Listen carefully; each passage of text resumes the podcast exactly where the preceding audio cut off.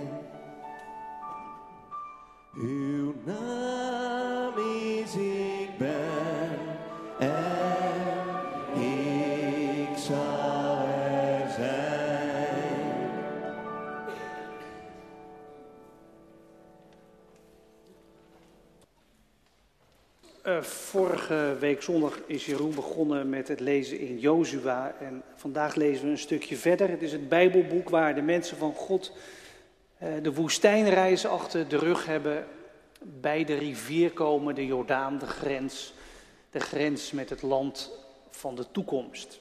We lezen uit Jozua 3, 1 tot en met 17 en 4, 1 tot en met 7. Jozua 3 vanaf het eerste vers. De overtocht over de Jordaan. De volgende ochtend vroeg trok Jozua met het hele volk weg uit Sittim. En ze kwamen tot aan de Jordaan, waar ze drie dagen bleven voor ze overtrokken. Toen die drie dagen voorbij waren, gingen de schrijvers het kamp door om tegen het volk te zeggen: Wanneer u de Levitische priesters de ark van het verbond met de Heer uw God ziet dragen, dan moet u het kamp opbreken en de ark volgen. Maar blijf op grote afstand, ongeveer 2000 el, kom niet dichterbij. Dan kunt u zien welke weg u moet volgen, want u bent hier nooit eerder geweest. En Joshua zei tegen het volk, reinig u want morgen zal de Heer in uw midden wonderen verrichten. De volgende dag gaf hij de priesters de opdracht: ga met de ark van het verbond voor het volk uit. En de priesters namen toen de ark van het verbond op en gingen voor het volk uit. En de Heer zei tegen Jozua: Vanaf vandaag zal ik je aanzien bij de Israëlieten verhogen, zodat ze weten dat ik jou bijsta zoals ik Mozes heb bijgestaan. Zeg tegen de priesters die de ark van het verbond dragen, dat ze, zodra ze bij de oever van de Jordaan zijn gekomen, in het water moeten gaan staan. Jozua riep toen het volk bij elkaar en zei, luister naar de woorden van de Heer uw God. En hij vervolgde, u zult merken dat de levende God in uw midden is en beseffen dat Hij het is die de Canaanieten en de Hethieten, de Gewieten en de Perizieten, de Girgazieten en de Amorieten en de Jebusieten voor u verdrijft. De ark van het verbond met de Heer van de hele aarde gaat immers voor u uit de Jordaan in. Kies nu twaalf mannen, één uit elke stam van Israël. De priesters dragen de ark van de Heer de Heer van de hele aarde. En zodra hun voeten het water van de Jordaan raken, zal de stroom tot stilstand komen en zal het water oprijzen als een dam. Toen het volk het kamp had opgebroken om de Jordaan over te trekken, gingen de priesters die de ark van het verbond droegen voor het volk uit. En zodra de priesters bij de Jordaan waren gekomen, en hun voeten door het water werden omspoeld, de Jordaan stond de hele oogsttijd buiten haar oevers, kwam het water tot stilstand en het vormde een dam, heel in de verte bij de stad Adam, die vlakbij Saretan ligt. Hierdoor werd de stroom in de richting van de Dode Zee, ofwel de Zoutzee, volledig afgesneden en kon het volk ter hoogte van Jericho oversteken. De priesters die de ark van het verbond met de Heer droegen, bleven precies in het midden van de rivierbedding staan, terwijl heel Israël overstak, tot iedereen aan de overkant van de Jordaan was. En nadat het hele volk de Jordaan was overgetrokken, zei de Heer tegen Jozua, kies nu twaalf mannen, één uit elke stam, en zeg hun dat ze van de plaats waar de priesters in de Jordaan staan, twaalf stenen moeten halen. Die moeten ze meenemen en in het kamp leggen waar jullie vannacht zullen verblijven.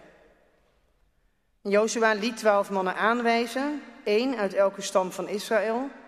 En nadat hij hen bij elkaar geroepen had, zei hij tegen hen: Ga voor de ark van de Heer uw God de Jordaan in. U moet allemaal één steen op uw schouders nemen, één voor elke stam van Israël. Zij zullen een gedenkteken voor u zijn. En wanneer uw kinderen later zullen vragen wat die stenen betekenen, dan moet u ze vertellen dat het water van de Jordaan werd tegengehouden door de aanwezigheid van de ark van het verbond met de Heer.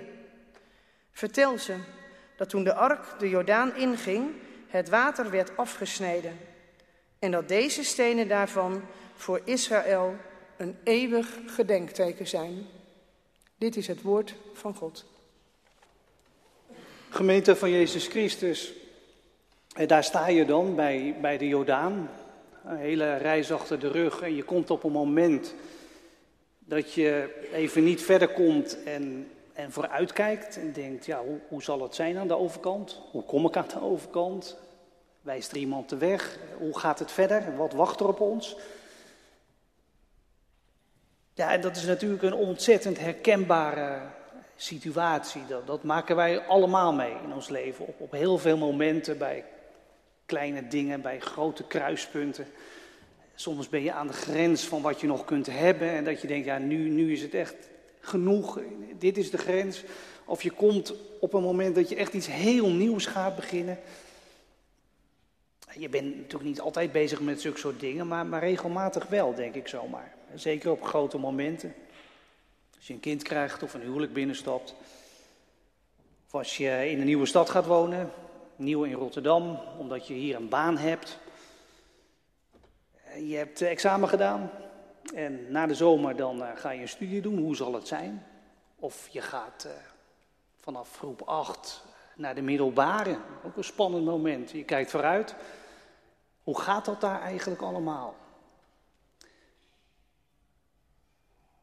Ik, gok dat jullie bij, bij de geboorte van Bowie of daar rondomheen ook wel dat soort momenten hebben gehad. Dat je je afvroeg, ja, wat gaat het ons brengen? En, en wat het, gaat het dit kindje brengen? In wat voor wereld wordt ze geboren?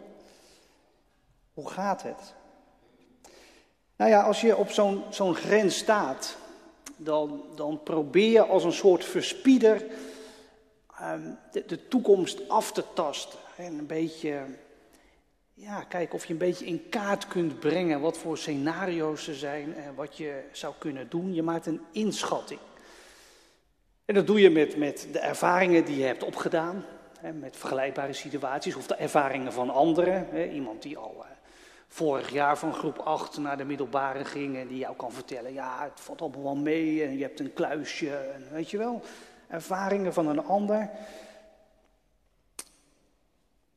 En soms, soms dan zul je ook wel eens hebben dat je denkt, nou, ik heb echt geen idee. Geen idee wat me te wachten staat. Geen idee wat ik moet besluiten, eh, hoe ik verder moet. En wat zou het handig zijn als er een gids was die me de weg wees? Als jij een uh, gelovig mens bent, en er zullen hier heel wat gelovige mensen zitten, neem ik zo aan, eh, speelt God dan ook een rol bij dat soort momenten? En bij, bij het moment dat je denkt, wat zou een gids handig zijn? Is, is God dan voor jou een, een, een gids of is God meer op afstand? Dat je toch denkt, ja, ik moet het zelf zien te rooien, zelf, zelf oplossen. Heb je redenen om op God te vertrouwen? Dat je ervaringen van hem hebt opgedaan, dat je denkt, ja, maar ik, ik, ik durf wel met hem verder.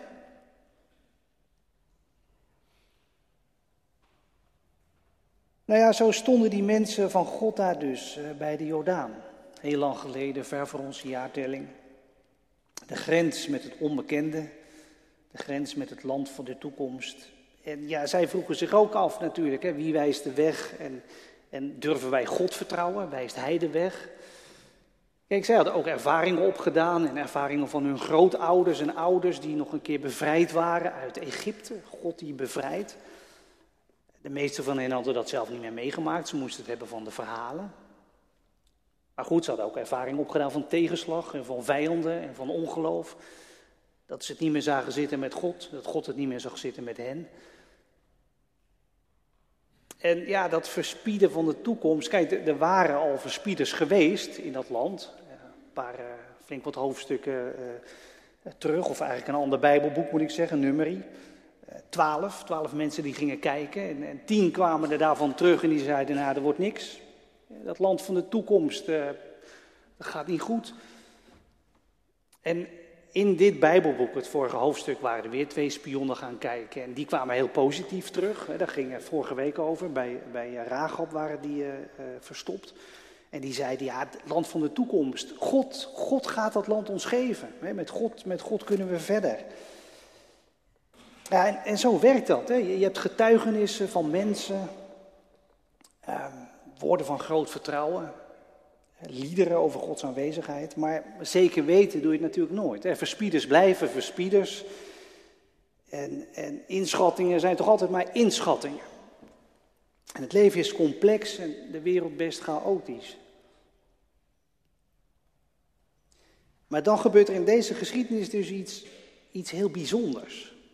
Iets verbazingwekkends. God die de weg wijst en, de weg baant. En dat gebeurt met de ark van God. Eh, misschien moet ik daar even iets, iets over uitleggen over die ark. Ik weet niet of iedereen weet wat dat is. Eh, bij die ark moet je niet denken aan de boot van Noach, die heette ook ark. Nee, hier gaat het om, om een kist, een, een gouden kist, met daarop twee gevleugelde gouden wezens, gerubs worden die genoemd. En die kist met die vleugelwezens daarbovenop, dat is de ark, de ark van God. En die ark was het bijzondere symbool van Gods aanwezigheid, dat God erbij was. Op, twee manieren eigenlijk. Die kist zelf, daarin eh, lag een afschrift van Gods aanwijzingen voor het leven. De afspraken die God met zijn mensen had gemaakt om samen het leven door te gaan. Afspraken van hun relatie. Verbond heet dat in de Bijbel. Een soort huwelijk zou je kunnen zeggen. Dus, dus die ark was het symbool van Gods bijzondere betrokkenheid, omdat het de opbergplaats was van het trouwboekje van God met zijn mensen. Maar die ark was niet alleen een, een, een opbergplek van het trouwboekje, het, het was ook, ook een, een troon. Ik weet niet of je dat weet of wel eens gehoord hebt, maar het was een, een troon. Die gouden kist, dat was een, een voetbank, zeg maar. En die vleugelwezens, die vormden met hun vleugels een zetel, die gerubs. Als je googelt op gerubtroon, dan, dan vind je plaatjes uit Egypte, uit Mesopotamië, van zo'n troon, waar dan een koning op zit. Nou, die ark was dus ook zoiets, een troon. Eh, niet dat je daar God op zag zitten, zoals bij de volken rondom, dan zat er een godenbeeld op die troon. Nee, de, de, de troon was leeg, maar maar het was wel de troon van God. God was te groot om, om te zien op zo'n troon. Maar bij die troon dachten ze dus wel aan, aan God als koning. God die regeert, God die, die optreedt. Weet je wel, daar was die ark het symbool voor. God die optreedt. En wat hier gebeurt is dat die ark dus wordt opgetild door de priesters en die beginnen hem voor de mensen uit te lopen. Dat moest van Jozua, die, die vertrouwde op God. Die, die was bemoedigd door God en die had zoiets van, God gaat voor ons uit, ga er maar achteraan. En het mooie is dan dat, dat God dat oppikt, om het zo te zeggen. God reageert daarop en die zegt, ja, ja, ik ga voor jullie uit. En dan zegt God, laat die priesters met die ark maar naar die Jordaan lopen, laat ze het water maar inlopen en dan moeten ze blijven staan in het water.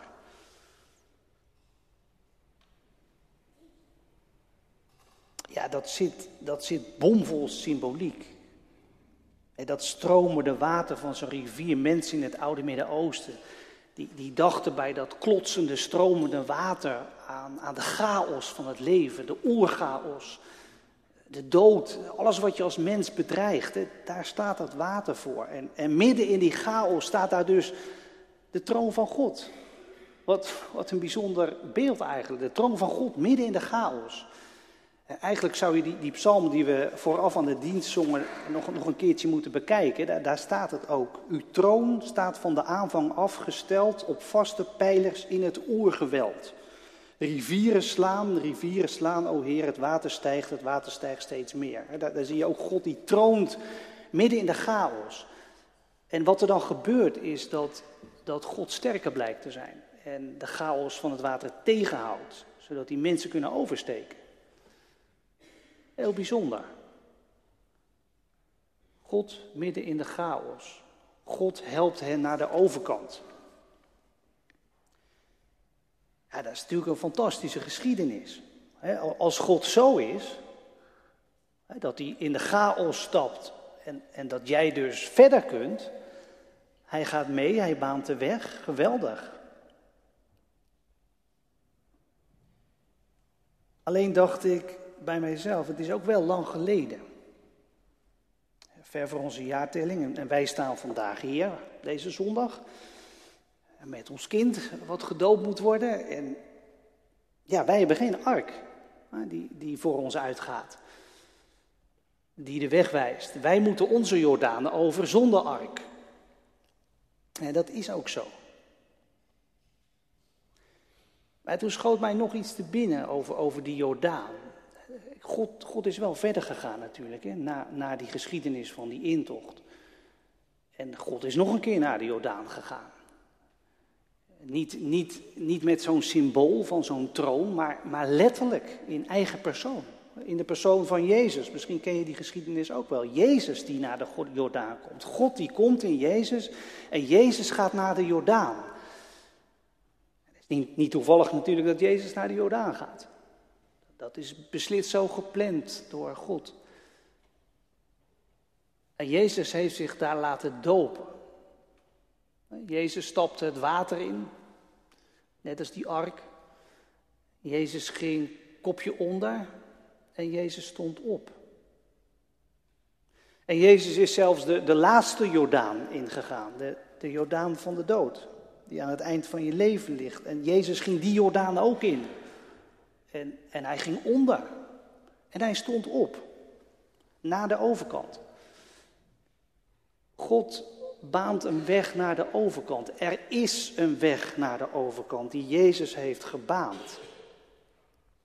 Jezus ging de Jordaan in. Dat is niet zomaar de Jordaan, dat is onze Jordaan. Jezus is onze Jordaan ingestapt. De chaos van ons leven, die ons kan bedreigen, die wij soms veroorzaken met onze foute keuzes. Daar is Jezus ingestapt. En, en wij hebben geen ark, maar, maar wij hebben wel een doopvond hiervoor in de kerk. En in dat doopvond, hiervoor in de kerk, zit al het water van de Jordaan. Het water van de chaos in deze wereld, het water van de dood, het water van onze schuld, dat zit in dat doopvond. En dat water gaat vanmorgen over Bowie heen. Als teken, als symbool. Het laat zien dat, dat zij en elk gedoopt mens met Jezus kopje onder is gegaan. In de Jordaan.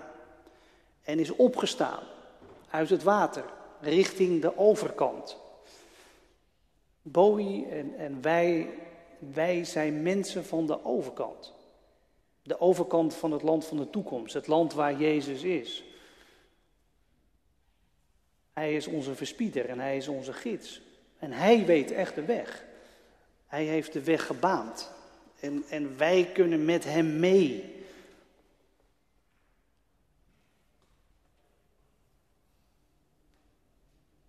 Aan het eind van die geschiedenis gebeurt nog iets aparts.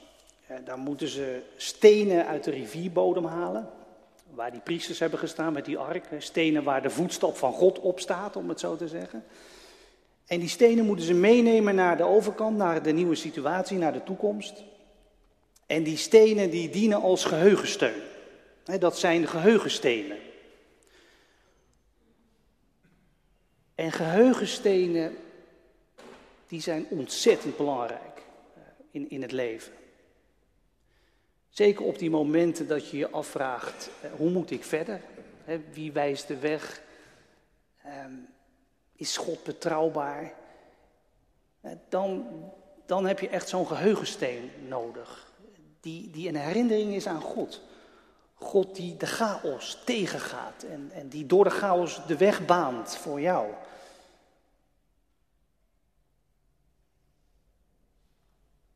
Heb jij stenen die je, die je kunt neerzetten? Die je herinneren aan een situatie waar God jou echt verder hielp door een Jordaan heen? Nou ja, in, in elk geval is, is de doop zo'n steen. De doop is een geheugensteen. Iedere keer als hij gedoopt wordt, dan moet je er eigenlijk gewoon zijn. Maar ook als een doopdienst lastig is, je denkt al die kinderen, eh, dat is mij niet gegeven, dan nog, hè, die doop is een geheugensteen. Daar zie je toch dat water van de Jordaan en, en dat er een weg doorheen is. En, en een doopkaart lijkt me ook wel een geheugensteen. En jullie krijgen er een mee, ben ik nog vergeten te zeggen. Die ligt op de tafel in de consistorie. Eh, neem hem vooral mee naar huis. Kaart waarop de naam van Bowie staat, de dooptekst, plaatje van de kerk. Kijk, zo'n doopkaart is ook een geheugensteen. Eh, even voor alle eh, gedoopte mensen hier in de kerk. heb, heb je ook een doopkaart of, of een doopbewijs? ergens in een fotoalbum of in een schoenendoos. Of misschien moet je ergens navragen bij familie of bij ouders eh, waar dat ding is. Ik zou zeggen, van de week haal die doopkaart eens onder het stof vandaan. En als je het nog nooit gedaan had, uh, lijst hem gewoon in en hang hem aan de muur. Zo'n kaart met jouw naam erop. Dat is een geheugensteen. En als je nooit gedoopt bent, dat zeg ik wel vaker in doopdiensten, neem contact op. Dan, dan wordt dat geregeld. De doop is een geheugensteen. En, en er zijn natuurlijk veel meer mogelijkheden voor geheugenstenen. Dat, dat, dat kun je zelf ook wel bedenken. Christelijke gewoonten rond een maaltijd. Gebed, bijbellezen. Een bijbeltekst aan de muur, een kettingje om je hals. Kerkgebouwen op vakantie, enorme geheugenstenen. Als je zo'n kathedraal ziet die naar boven wijst. Denk daar maar eens even over na. Als je de komende weken misschien wat rustiger aan kunt doen in de zomer. Geheugenstenen. En als mensen je vragen, wat, wat betekent dat? Dan moet je ze uitleggen. Waar die steen jou aan herinnert. En ik dacht nog, die, die geheugenstenen die, die mogen ook wel irritant zijn. Het mogen ook wel stenen zijn waar je soms over struikelt of tegenaan loopt bepaalde gewoonten bijvoorbeeld waarmee je jezelf inperkt of juist min of meer dwingt om dingen te doen, weet ik veel, naar de kerk gaan op zondag. Stenen waar je tegenaan loopt en waarvan kinderen, als je die hebt, misschien ook wel eens vragen: waarom moeten wij altijd? Of waarom doen wij altijd? Als je kinderen vragen, als Bowie later vraagt, wat betekent deze geheugensteen? Ja, gaat ze uitleggen. Vertel over de chaos in het leven. Over het chaoswater van de Jordaan. En over Jezus die daar middenin is gaan staan. En over Jezus die jou er doorheen helpt, die jou er doorheen zal helpen. Jezus de levende Heer, die de weg wijst naar het leven. De weg naar de toekomst. Geheugenstenen wijzen naar Jezus. Amen.